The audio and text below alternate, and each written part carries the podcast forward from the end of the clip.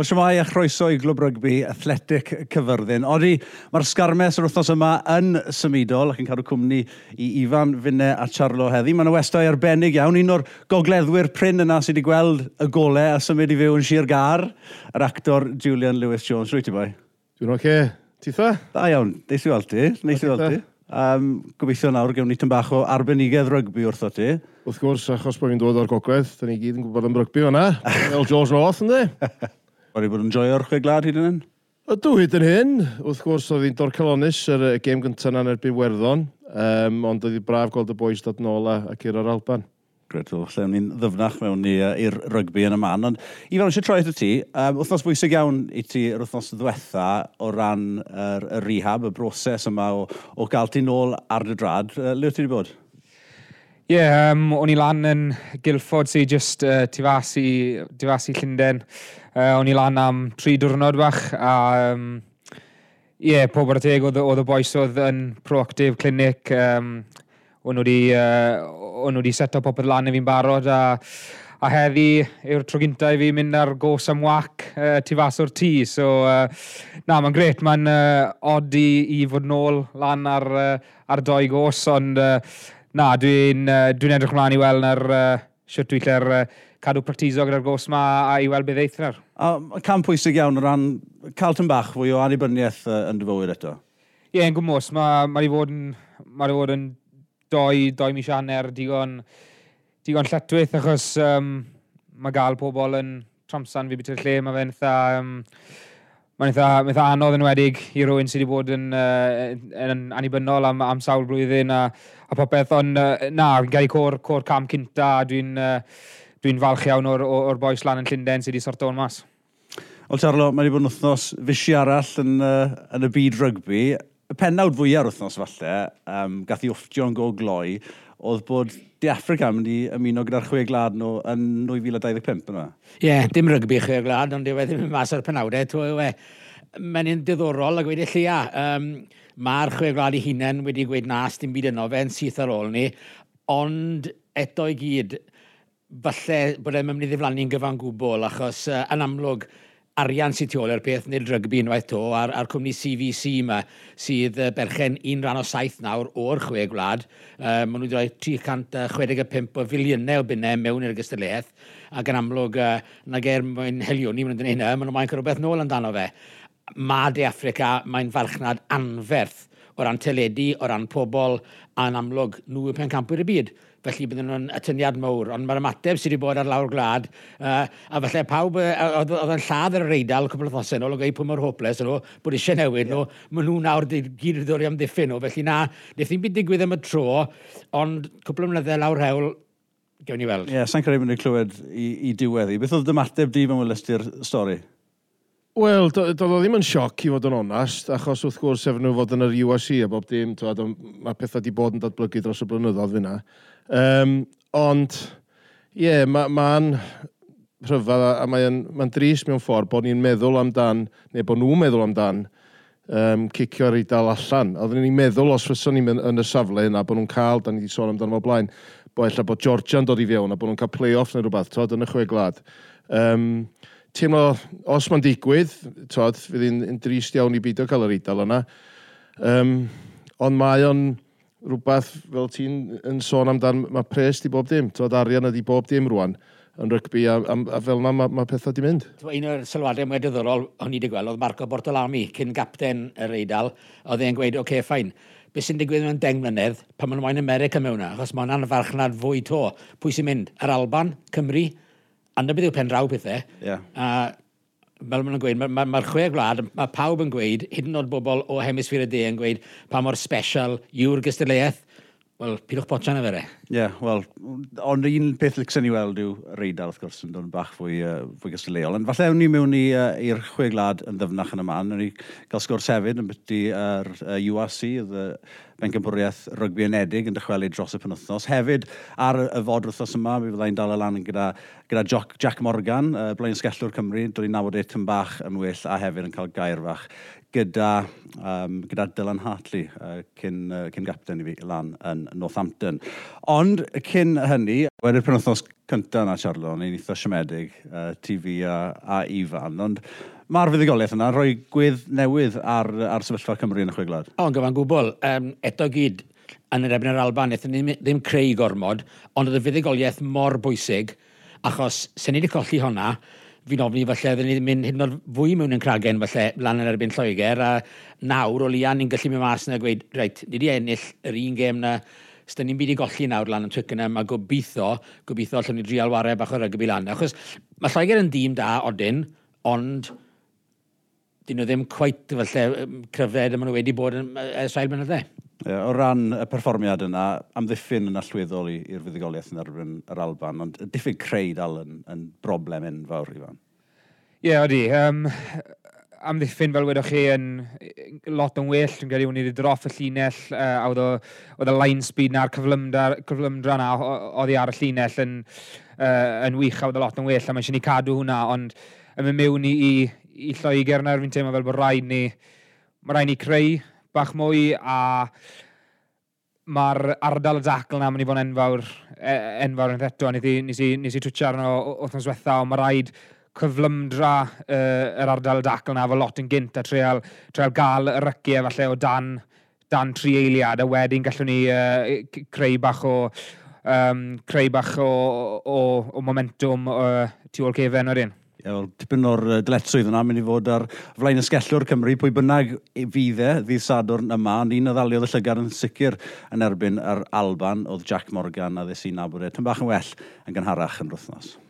Wel, gyda gyd, Jack, um, diolch yn fawr i ti am dy amser, a llongyfarchiadau ar y cap cyntaf yna. O, diolch yn fawr iawn. Ei, siwr o fe, siwr o fe profiad na fod yn y stadiwm oedd yr wyrgylch yn eitha special, ond um, ia, oedd y popeth o ti'n bryddwydio, bydde fe? oedd dda fwy hefyd. Twyd oedd e, cymryd oedd y boys yn siarad am o'r uh, moment o pryd ti'n drifo mewn a, a can i ran wrth ymdyn flan pawb a'r, ar, ar, ar crowd, yr atmosffer sy'n yn y stadio yma.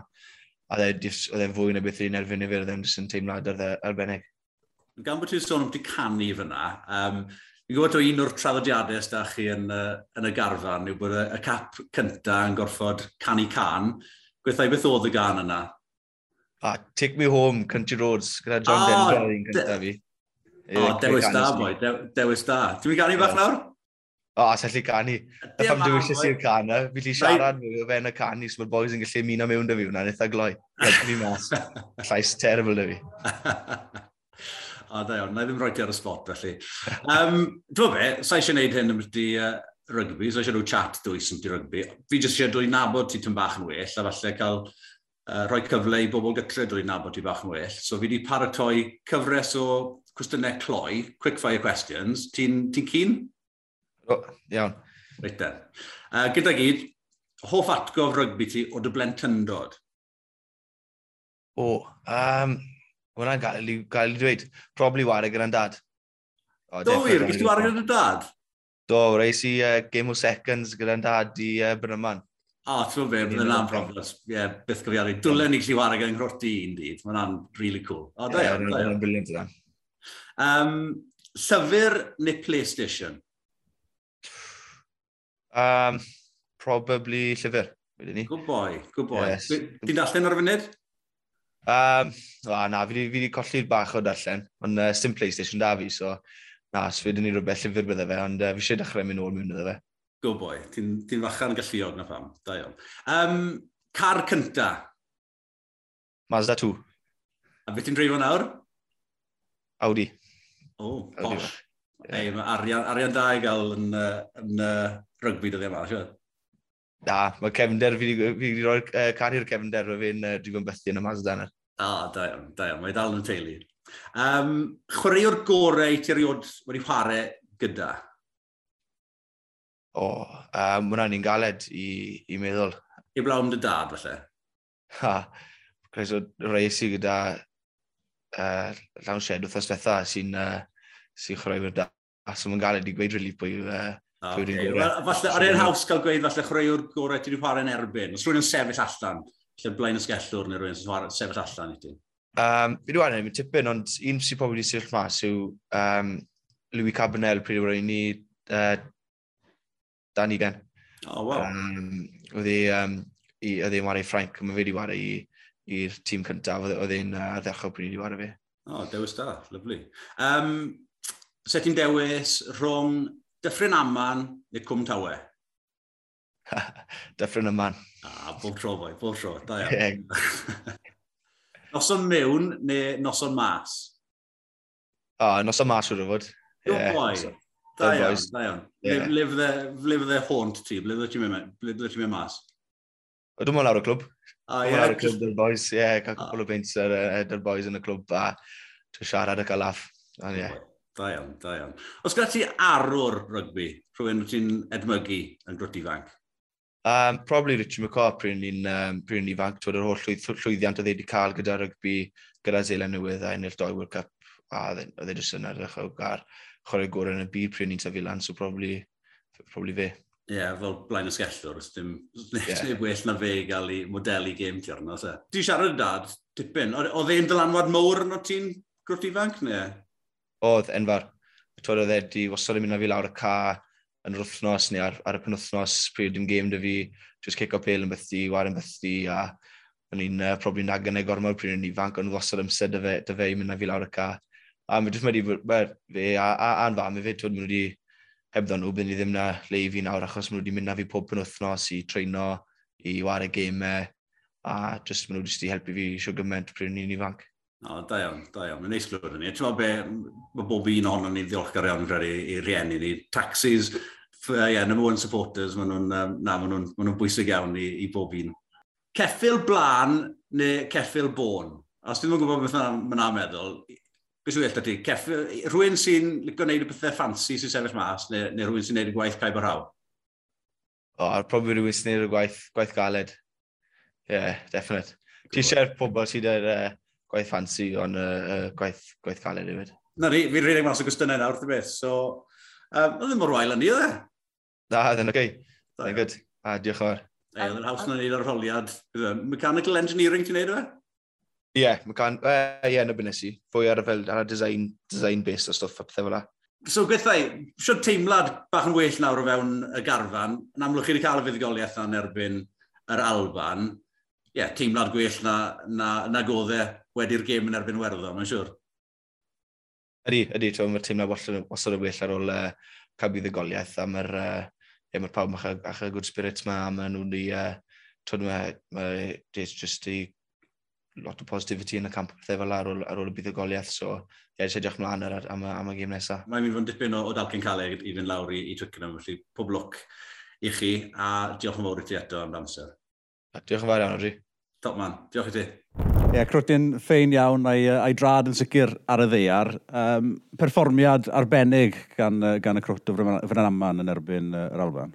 Ie, yeah, ni'n meddwl bod Jack di mynd i dda iawn. Um, to, da ni di weld, weld o'n chwarae yn wych i'r Scarlett, collad mawr i'r Scarlett, bod o di mynd i'r gwylch, ond uh, falch i, i weld o'n chwarae mor dda. A dwi'n gobeithio yn wir wneith o gadw i le. Tod, mae o'n fo ifanc cry, digon egni gyno fo, a dwi'n meddwl bod fo a basio mewn fanna yn, yn chwarae'n wych i Gymru. Ia, mae'n uh, arweinydd fi'n credu hefyd. Mae rhywun allai di tyfu uh, uh, adeiladu y pac uh, o'i gwmpas dros y, y blynyddoedd nesaf. Gan bod ti'n sôn am y gweilch, dewch i ni drafod yr uh, USC yn glo iawn. Falle neb yn disgwyl i'r gweilch fynd allan a, a cael buddigoliaeth yn, uh, yn Leinster, felly, felly oedd hi. Siomedig iawn, um, pwynt bonus i Leinster. Yn wedig falle, gan bod nhw wedi ennill mas yna y llynedd, falle bach fwy o beth ganddyn nhw? ie, yeah, o hyd yn mynd i fod yn falcau'n caled i, i fy mas i RDS a gwynebu, gwynebu Leinster. Um, o'n i mewn wedi amddiffyn uh, yn dda iawn uh, ar y degau. Um, o'n i e, siomedig iawn, yn, yn debyg iawn i Cymru, fo'n onest. Oedd ddim lot o batrwm yna yn, yn ymosod ar, ar unig cais geithio ni oedd bach o, bach o fflach gyda, um, gyda, gyda Rhys Webb uh, yn sgôr o cais uh, unigol, ond ie, yeah, siomedig iawn a, a dath ddim lot o bethau positif mas, mas o'r gêm na, ond um, oedd e'n gret gweld uh, Dan Lydiat nôl ar y ca. Um, Dwi wedi bod mas am, am sawl mis a, a oedd e'n gret gweld e um, uh, yn ôl ar y car uh, ar y pwyntnos. Ie, yeah, falle neb yn disgwyl uh, y fuddugoliaeth yna ar yr RDS, ond falle mwyafrif ohono ni'n gobeithio gweld fuddugoliaeth i'r Scarlets ddydd Sadwrn. Um, be ath o wyth, Julian? Dwi ddim yn gwybod. Dwi ti. Um, Popeth oedd angen. Nelo nhw digon i ennill y gêm na. O, do. Tod o dechreuad gwych. Oedd o'n gais arbennig i Johnny Williams. Gret i weld o'n ôl. Ond wedyn mynd i chwarae rhy llac twad, yn y gla, gwynter glaw na. Ac mewn ffordd oedd o'n frustrating iawn i, twad, i, i gefnogwyr y, y Scarlets i weld yn tîm ni, yn chwarae tîm, ddylia ni ddim colli'n erbyn ti'n mynd fel ti'n sôn am, ti'n mynd i rad yes, i Leinster, oce, okay, you're up against it, boys, twad? Ond, da ni'n mynd i colli i Connacht, Gartres, twad? 17, 17, 18 flynyddoedd, twad?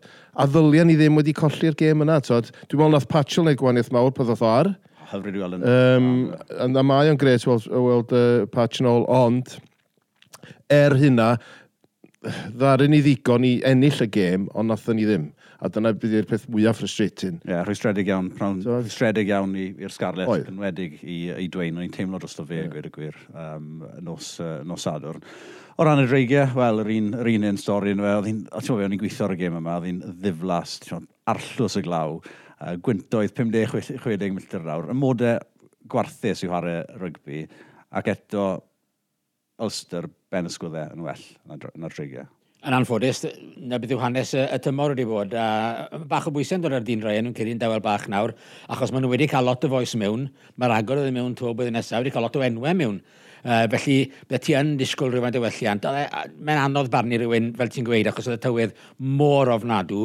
Ond ti'n disgwyl na, Delster, ti'n ti gwybod bod nhw'n fod yn drefnus, ti'n gwybod bod, bod reolaeth yn mynd i fod yno, a disgyblet yno, wnaethon nhw beth oedd eisiau gwneud, a dethon nhw bant ar fuddigoliaeth. Dyna'r dyna peth mwyaf rhwystredig i fi yw bod, bod di'n rhaid wedi cael tair blynedd nawr, a mae wedi cael arian hefyd. Mae wedi gwario arian fel nad oes na'r un hyfforddwr arall wedi wneud uh, gyda'r dreigiau, ond i ennill mond un gêm gydol y tymor yma, mae'n mae, siomedig iawn i fi. Mae'r mae amser yn dod. Os nag oes rhywbeth yn digwydd rhwng nawr a diwedd y tymor, sa'n credu dylai fod wrth y lliw y tymor nesaf. Well, mae yna batrwm rwsyd yn gweld y dreigiau, maen ma nhw'n dechrau'n dda. A wedyn, mae yna rhywbeth fyny fama. Dwi'n cofio gwylio nhw yn erbyn Perpignan, um, cyn Nadolig, twar. A ddyn nhw'n chwarae yn dda, twar chwarae rygbi gret. A ni'n meddwl, yes, mae'r ma, ma dreigiau wedi neud ti. Ond rwsut, twad, maen nhw'n colli ffordd ac yn colli'r gêm.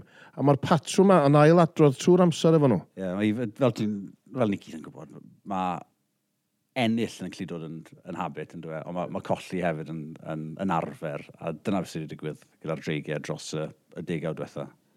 Ie, yeah, yn sicr, bob tro ni'n mynd a, a waren erbyn y dreigiau, o'n i'n gwybod bod, um, bod frwydr corfforol iawn mynd i fod yn erbyn i, a na un peth mae'r ma dreigiau'n dod â. Falle, falle yn y gorffennol, falle sy'n sy'n y patrwm falle wedi bod na gyda nhw, ond maen nhw hyd yn gorfforol iawn, a mae ma reng ôl nhw, a, a'r pac unan yn, yn, yn, yn grif, yn, yn dieddol fod yn grif iawn. Ond, ond ie, fel, fel wedwch chi, mae ma, ma colli'n gallu'r dod yn, dod yn habit, a fi'n credu na falle'r... Um, na falle yw trwy bol y, y dreigiau ar unrhyw falle bod nhw ddim yn, ddim yn credu yn unen bod nhw, bod nhw gallu'r mynd i llefydd a chwarae erbyn uh, tîmoedd mawr fel Ulster a, um, a ennill yn ymffodus. Ie, wel, rhagor o chrwywyr newydd yn ymuno gyda'r dreigiau tymor nesaf, uh, JJ Handran a Rodri Jones, um, ynghyd a Bradley Roberts wrth gwrs wedi, wedi rwyddo i gryfhau'r garfan, felly gobeithio welwn ni nhw yn datblygu y tymor nesaf, ond gobeithio ni'n ei gallwn ni wneud fi'n credu ar y funud. Reit, rhwng ni'n golygon ni nawr at uh, benwthnos yma, ni'n nôl mewn i'r chwe glad. Julian, Cymru yn erbyn Lloegr. Be mae'r gêm yma meddwl i ti gyntaf gyd? Wel, fel... Mae'n fwy na just game. Ydy, wrth gwrs. Ie, um, yeah, da ni wastad eisiau curo'r Saeson, does? Uh, a pe da ni yn curo nhw, mae o'n special. Um, ond mi fydd un her, fydd un goblin o her pen wythnos yma. Um, pe ti'n meddwl, mae ma Twyl Ag yn ôl, mae Courtney Laws yn dod yn ôl. Mae nhw wedi edrych yn dda ar adegau. Um, o'n i'n meddwl, yn erbyn yr eidal, mi ddari yr eidal greu um, safleoedd i twad, i sgorio, sydd yn, twad, yn encouraging i ni bob, i weld, twad, ond bod nhw ddim digon da i, i gymryd y manteisio, i fanteisio ar y cyfleoedd yna. Um, ond mi fydd hi'n goblin o her, ond ie, yeah, uh, i fi, um, os, os fydda ni fynd i fyny Twickenham ar ei chwip dyn iddyn nhw, fydd o'n ddyn hapus iawn. Ie, yeah, fel, fel nilon ni yn uh, 2015 yn y fe, Ifan, pan nilon ni yn uh, y Cwpan y Byd yna, atgof, atgof arbennig iawn. Ie, yeah, yn, uh, yn bendant yn gyrra'n ar un o'r gemau sy'n sy, sefyll mas i fi. Um, cwpan y byd, Lloegr fel oedd yn cael ei alw, a um, dyddwn ni ben a curo nhw, a, a cico nhw mas o cwpan y byd einen, a, a oedd lot o sŵn gyda, gyda Lloegr beti Sam Burgess yn dod i'r canol, a, a oedd popeth, oedd popeth yn pwynto at fuddugoliaeth Lloegr, a dyddwn ni ben, a Uh, dwi wedi gweld Lloyd, Lloyd Williams yn rhedeg lawr yr asgell yn rhoi cic mewn a, a, a, cawdor um, Gareth Davies yn, yn sgoro dan, dan y pist a yeah, fi'n uh, cofio'r atgof na, mae'r atgof na'n yn uh, un melus. Oh. Wel, na i beth anghofio fe, achos mae ar YouTube, o'n i fyna, oedd fi a Martin Williams a Jiffy a Kennydd jyst yn dansol an y lawr wrth, wrth i cawdor fynd drosodd a sgori.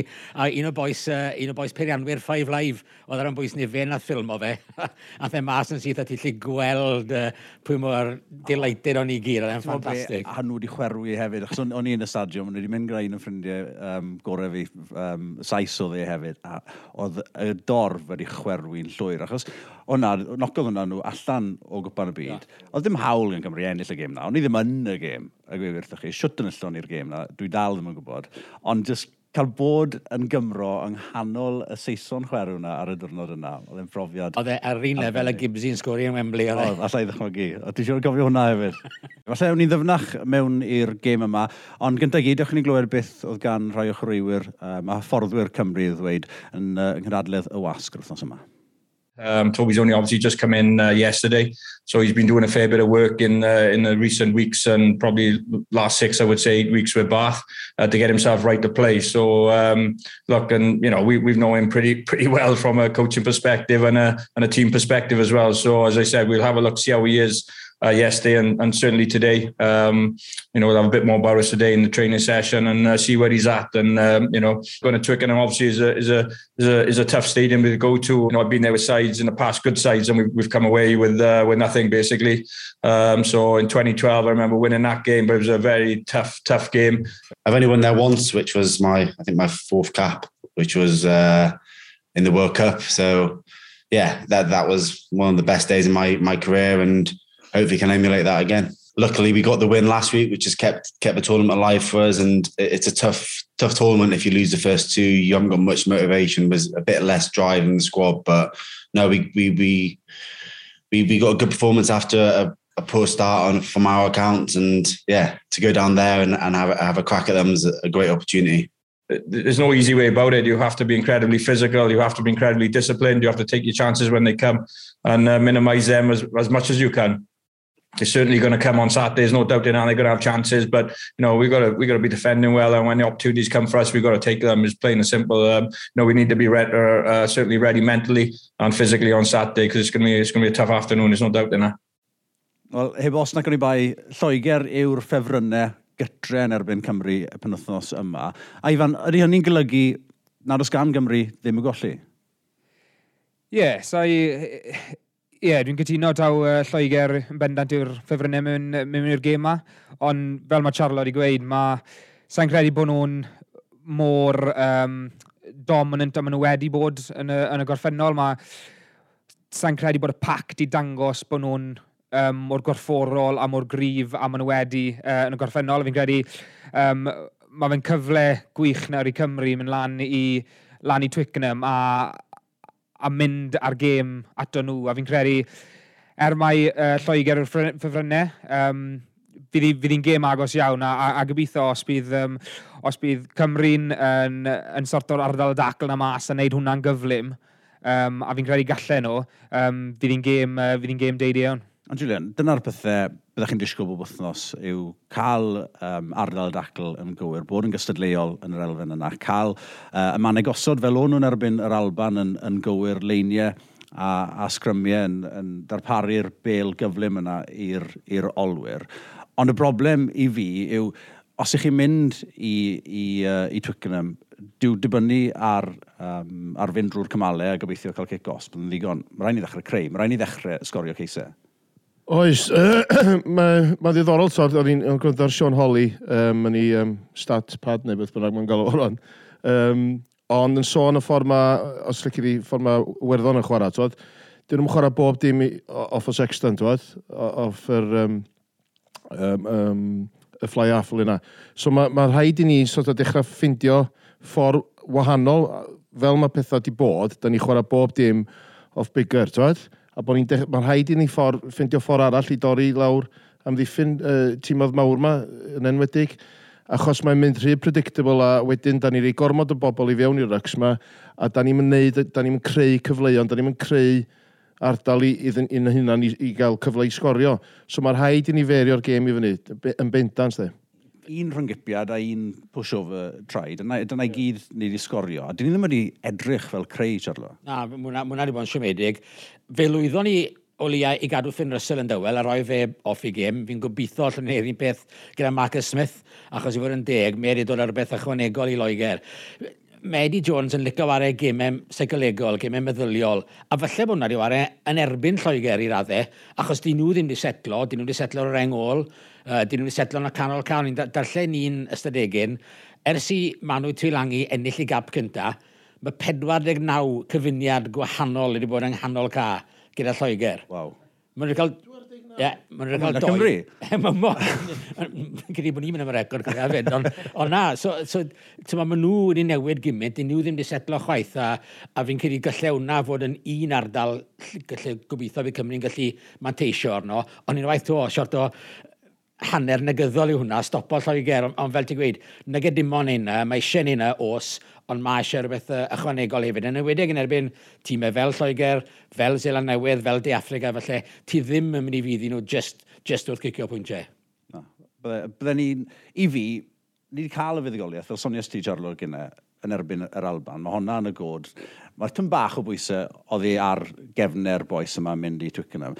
Be fi eisiau gweld yw rhyw fath o sblygiad nawr yn yn, yn, yn y chwarae. Fi cli deall pam elon nhw am dactegau ceidwadol iawn yn erbyn yr Alban, just er mwyn cael y fuddugoliaeth. Ond diw'r um, dyw'r dill yna o chwarae yn wynebau fel un pas oddi ar naw, un pas oddi ar deg. Dwi'n na ddim yn weithio yn erbyn y tîmau mawr corfforol fel Lloegr a, a Ffrainc na, yn sicr, sy'n sy mynd i weithio. A, a mae'n un o'r pethau yna, mae ma rhaid i Cymru treial um, dod mas o, achos ni wedi gweld e yn, yn amlwg yn y ddoi gym diwetha, mae mae'r ddill yma o, o boes yn, yn drown y cornel a falle'n uniongyrchol yn mynd yn, yn syth a mynd yn fel unigolion yn cario'r pel a trel ennill y frwydr corfforol na.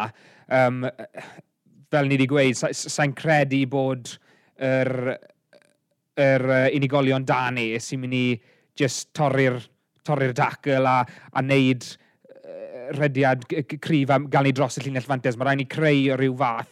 Um, a ni'n gweld i werddon yn wneud e yn wych, yn wedig y gêm cynta yn erbyn, erbyn Cymru. O, o ti'n gweld o'n nhw'n ware off naw, o'n nhw'n ware off deg, a wedyn o'n nhw'n ware off, um, off yr... Er, um, of y pod y forwards na yn tynnu fy nôl y bac, oedd tu fewn, tu fas, oedd y ddill a oedd y siap gyda nhw, a oedd e'n oedd e'n halar amddiffyn wedyn i, i amddiffyn hwnna, achos taw y problem cynta yw'r yw'r blaenwyr yn cario'r pel, neu felly fel y, pas, y pas fyr a wedyn mae fe'n creu wedyn ardal a, a, a lle ar y tu fas. So fi'n gyrru na beth mae eisiau, mae eisiau Cymru felly treol, um, treol wneud uh, yn y gêm yn nesaf yma, yw, yw, yw just creu bach yn fwy. A fi'n gyrru hefyd, bod yn barod i wneud e o chwarae rydd.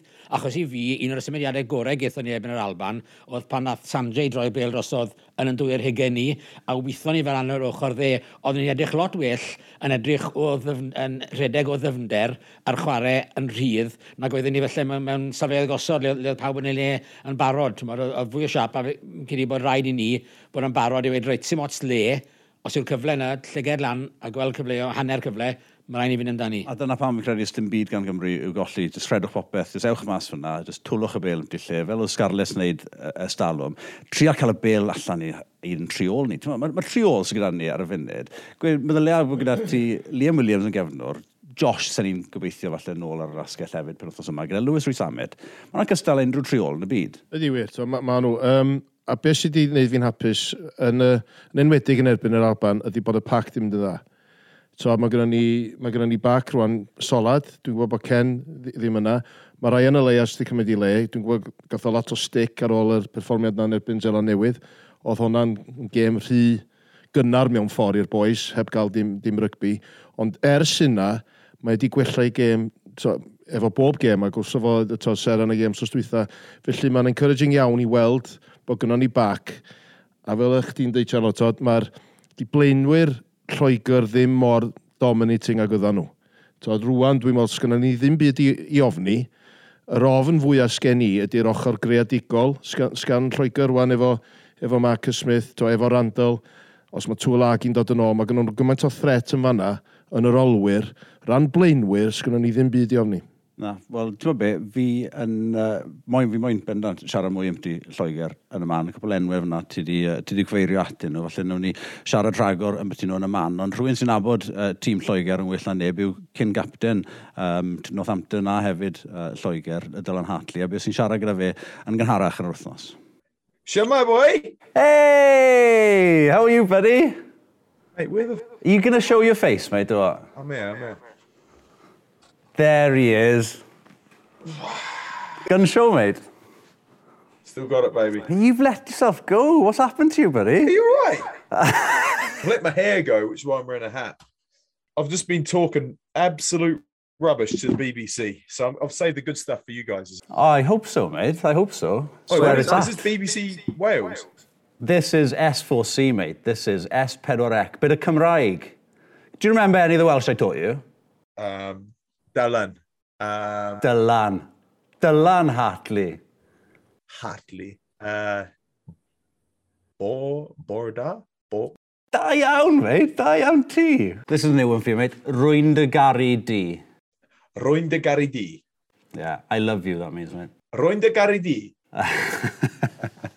to all my Welsh people, Roin de Garidi. Oh, beautiful, mate. It just rolls off the tongue. I'm enjoying it.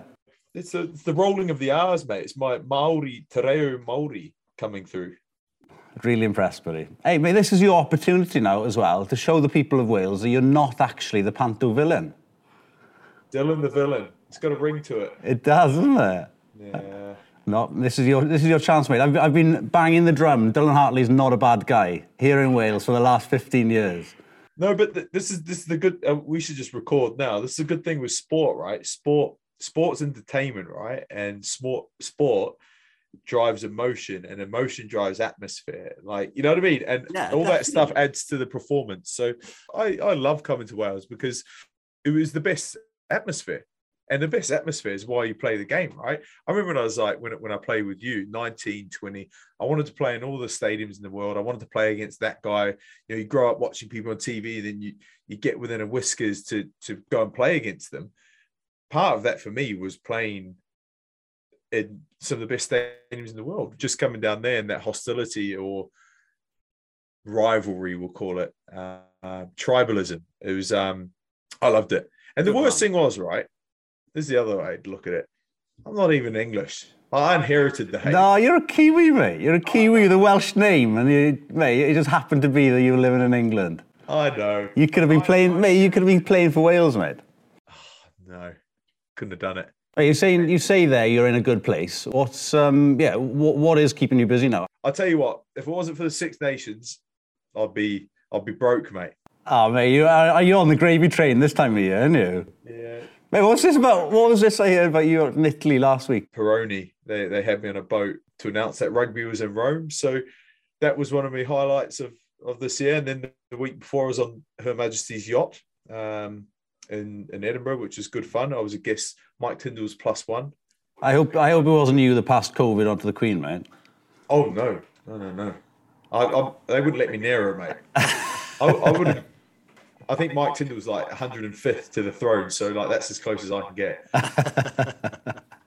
so Mate. yeah, what's going on? Are we going to talk about any rugby or? Yeah, we better had, buddy. We better had because it's, it's Wales. It is Wales, England. I imagine there are not many people out there are back in Wales this weekend down in Twickenham.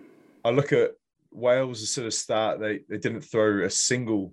They didn't get out of their corner in Dublin, did they? No. And that was down to the fact that the Irish didn't let them out of their corner either. So, and then I think last week uh, against Scotland was more. It was just dogged. You know, it was backs against the wall. I don't think the performance was too shiny, but it's not what they even needed. And it was nothing to do with performance. It was all about getting a result, getting back on that on that winning horse. We, we stood up and matched Scotland and beat them physically, and we're going to have to do that again this weekend. But I, I'm, I'm struggling to see where tries are coming from for Wales. I, I, I'm not a sort of, I don't have any sort of attacking philosophy. Up the jumper, mate. Up the jumper. as as a, a Welsh supporter, not not the pain because you're current your current title holders, you know what I mean. But you probably have to go through a phase of letting go of your iconic players. In my time as an England player, I, I, I ten years playing. It was a Warren Gatland team the whole time. So you created iconic players. You created players that got test centuries because he basically put his his belief into players and said, "You're my guy. Let's go for it." Yeah. And then I suppose you're you're in a transitional sort of period where where PVAC's come in, probably adopted, you know, Gatlin's squad, and now he's trying to bring through his own guys. So I think it's just one of those. I mean, the fact that your current title holders is brilliant, but if it doesn't go perfectly well and you don't win the tournament this year or next year, it's almost like can PVAC put a stamp on it over years and, and build a sort of own iconic squad and, and it will pay dividends down the line, you know? Oh, mate, sadly, sadly, yeah. No, I think I have to mention England because, to be honest with you, and I'd never ever thought I'd say this, I'm a little bit more excited about what England are doing than, than what Wales are trying to achieve at the moment. At least, at least you've kind of see under Marcus Smith and, and Harry Randall last weekend England moving to this attacking, expansive, exciting style of play, something I'd love to see Wales adopting. If you go back, even a Six Nations ago, it was such an attritional sort of game. It was, remember, it was like kick, defend, yeah. pressurized kick points. Horrible, everyone was painful. Going, it's dreadful. Mate, it's killing the game. It kills the game. That's exactly it. Everyone was saying this is boring. It's killing the game. The rugby's taken a massive shift. If you look at like uh, Australia, then beat South Africa unlock them because they attack, attack, attack. The All Blacks do what they do. Yeah. Harlequins are playing that the way that they are. Players like Finn Russell, Marcus Smith, um, they're, they're just so they're a joy to watch, you know. And I think the whole theme of rugby at the moment is about attack. Yeah, I, th- there's a balance, mate. You still need a set piece. You still need gain line. Um, in order to play that wide, expansive game, you, you need to be going forward first. You can't do it on the back foot. So, mate, you, you're naming Tuilagi is probably going to be involved, if not starting, I should think, this weekend for, for England. That's a frightening midfield, man. Manu's got to be involved, right? He is. Um, he's one of those guys. It's like when I played with you. Uh, you just know it's world class. You look ah. around, it's just you, you got confidence in. Man, I'm blushing. Like that. Blushing. I mean, it's, it's that long ago, man. I'm surprised I can remember it. But genuinely, with Manu, and I don't think there'd be anyone in the world that disagrees. He is world class.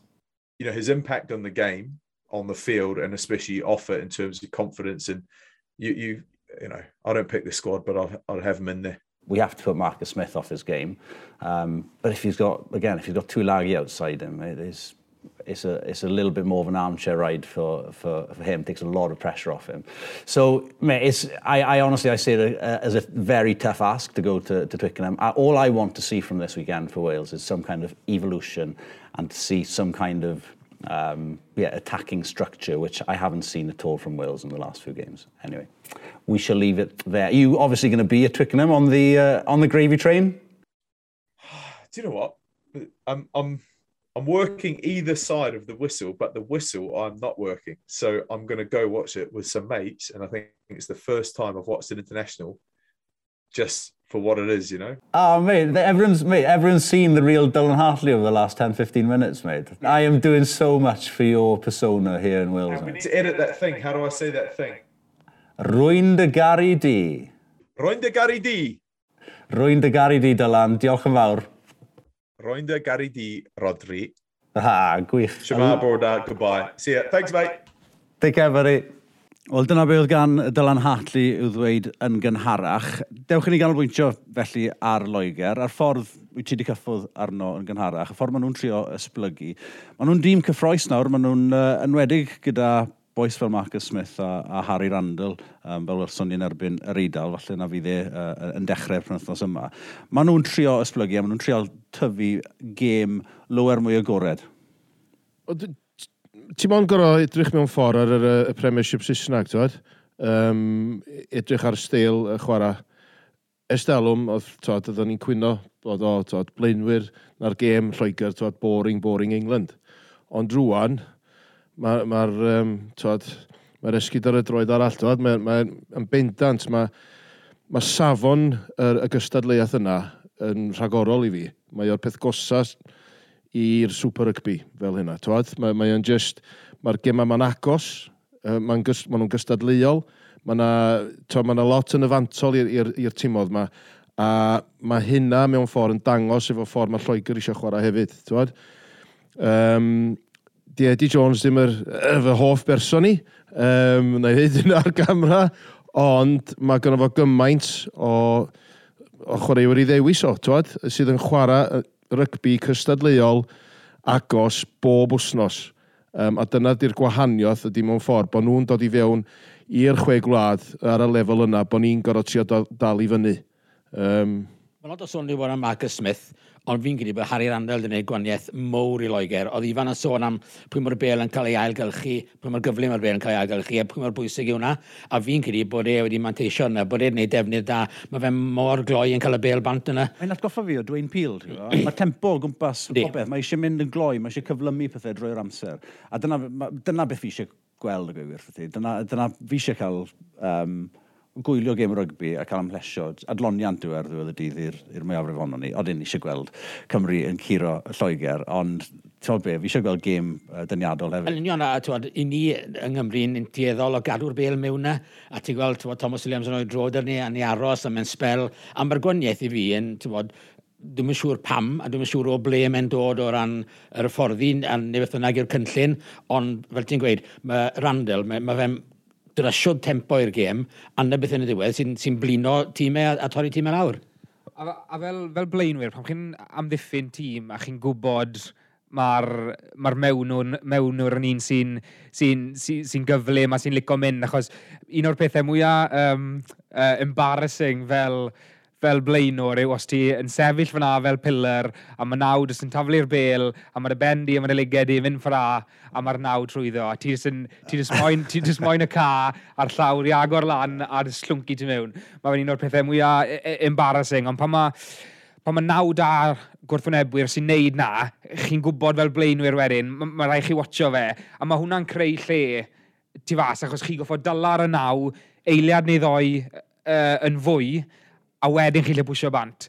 Ond pan mae'r naw na, chi, chi, mae rai chi watcho'r naw, a mae, a mae fe'n dibendan yn creu lle ar y tu fas. Gan fod ni'n siarad am ti, Harry Randall, ti'n uh, ti byw gyferbyn a'i fyngi fi neu ffeindio fas? Um, e, do, mae, um, mae, mae fyngi um, byw, uh, byw ar, ar un estate fi, a mae'n byw drws nesau fi, a ie, yeah, oedd hi'n uh, uh, hapus iawn bod, uh, bod Harry'n uh, yn sgwad Lloegr a, a mae, mae o hyd yn dod draw a mae'n siarad a mae'n dod draw a mae'n licio dod draw y bwyd a, a, a neud siŵr bod fi'n uh, bita digon o, o na, mae'n uh, mae fenyw wych ar y deg. O, chwrdd te, chwrdd teg. A os ydych chi eisiau dysgu rhagor am beth i Harry Randall, mae yna ma eitem fach yn mynd i fod ar, ar y cyfryngau cymdeithasol, ar S4C uh, chwaraeon. Felly, ie, yeah, ewch chi gael pip am, am hynny. A dysgu tyn bach rhagor am i gefndir ei fagwraeth popeth yn, uh, yn Nyffryn Aman. Um, fi eisiau gwneud yn ôl yn gloi os allai at, uh, at Marcus Smith. Mae ma ein bendant mynd i fod yn dechrau ar y penwthnos. A os yw Cymru am fod yn y gêm yma, mae rhaid nhw fynd ar ôl Marcus Smith fel elon nhw ar ôl Finn Russell, yeah. uh, di sôn. Ie, yeah, yn bendant achos i, i fod yn deg i Marcus Smith. Um, gasen lot o gyfle yn gynnar gyda Eddie Jones, ond nawr bod e wedi, yn cyd i bod e wedi sefydlu hunan a bod uh, Eddie Jones sylweddoli ta fe yw'r boi nawr i gael trial chwarae yn y ffordd maen nhw'n wneud. Os yw twyl angen dyn nôl, mae'n rhoi arf arall i Marcus Smith llai o bwysau yna fe, achos gallai jyst rhoi e, a ti'n gwybod bod twy angen jyst yn mynd i bwrw y llinell fantes yna tro ar ôl tro ar ôl tro. Felly, gyda hwnna hefyd yn arfi Loegr, os a mae'n rhoi fwy, fwy beth o bwysau ar rengol Cymru yn enwedig just i wneud y jobyn, jobyn Cystel yn eithon nhw'r Finn Russell. Dwy gêm arall pen wythnos yma, Iwerddon gytre yn erbyn yr Eidal, sy'n eisiau siarad gormod am hwnna, mae hwnna'n mynd i fod yn goten. Sa'n ni'n dechrau hanner cant o bwyntiau yn, yn hawdd i uh, Iwerddon yn y gêm yma. Ond wedyn len yn Murrayfield, um, yr Alban yn erbyn Ffrainc. Fi'n gweld hon yn gêm ddiddorol iawn. Yr Alban, wrth gwrs, wedi ennill mas fyna y llynedd. A bydd, bydd yr Alban yn, yn bacio hunain i ennill yn erbyn Ffrainc?